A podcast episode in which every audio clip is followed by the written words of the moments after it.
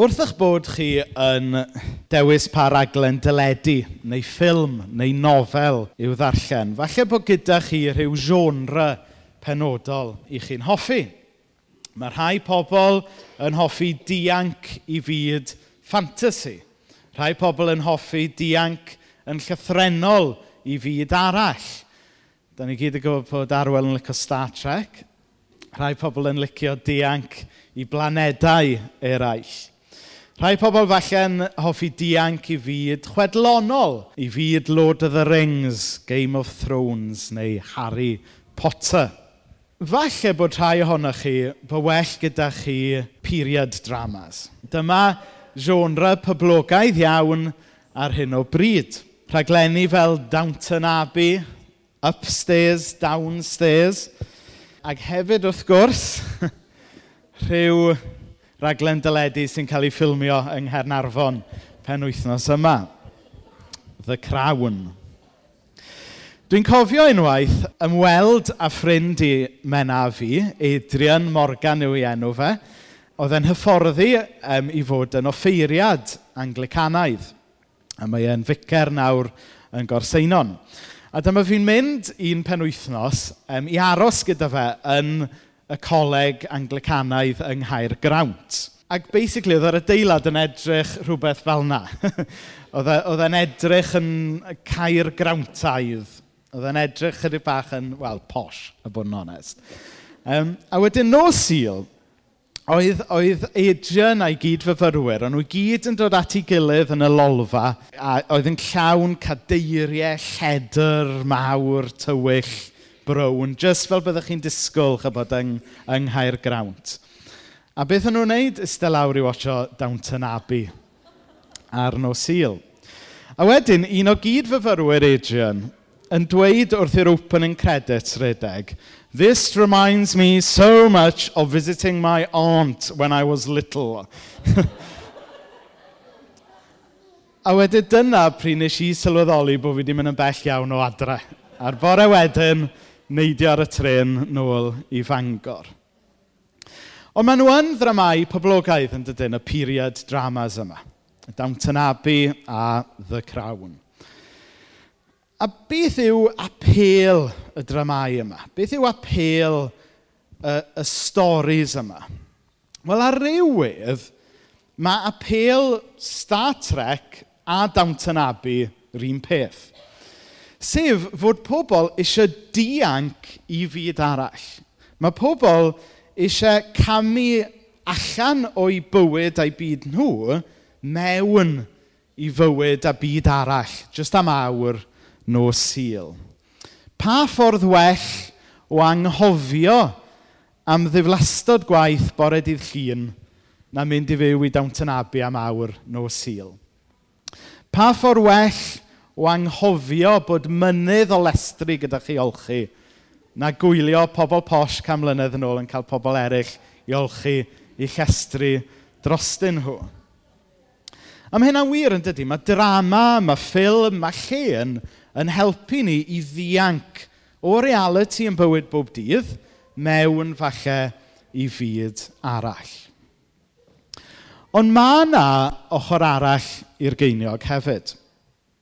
Sef apel lot o'r dramau yma, gan gynnwys dramau fel Downton Abbey, yw y gwrthwyneb i ddianc, sef bod ni'n hoffi gweld rhywbeth ohono ni yn hunain yn y cymeriadau i ni'n gweld yn y dramau. Hyd yn oed rhywbeth fel The Crown, sy'n darlunio bywyd y frenhines. Gwraig sydd wedi byw bywyd hollol wahanol i unrhyw un yma dwi'n cymryd.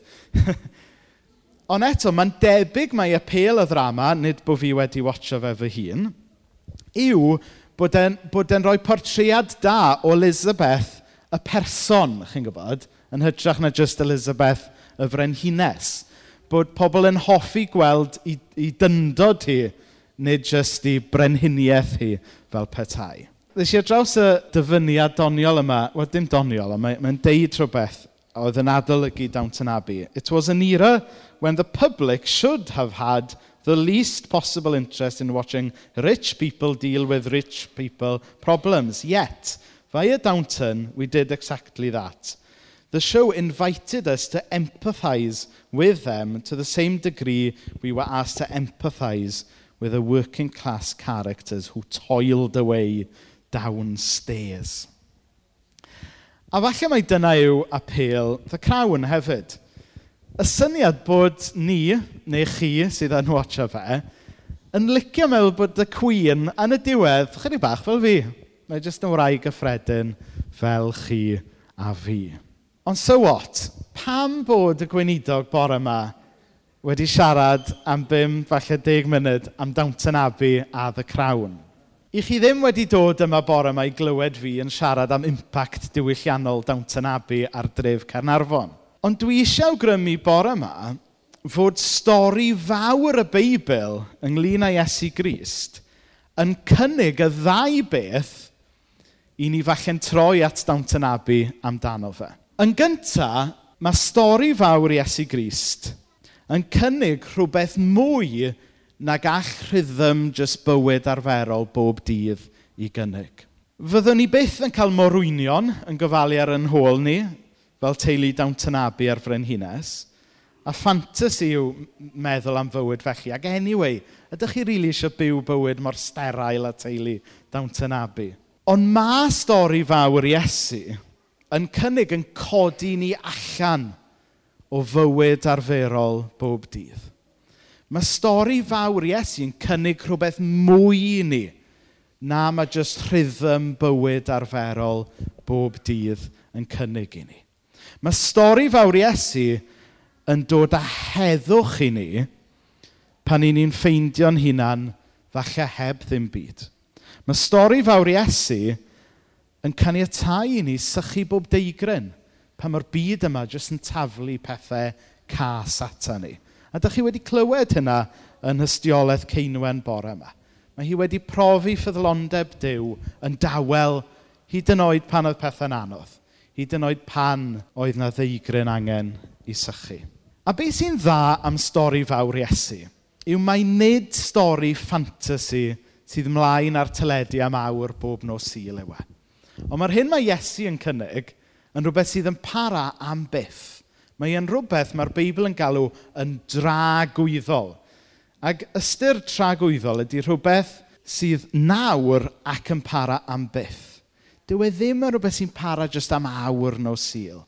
Dyw e ddim yn rhyw syrcas sy'n dod i dre Carnarfon jyst am benwythnos ac wedyn yn symud ymlaen i ffilmio yn rhywle arall. Mae be mae Iesu yn cynnig i ni yn rhywbeth sydd yn sticio, mae yn rhywbeth sydd yn para.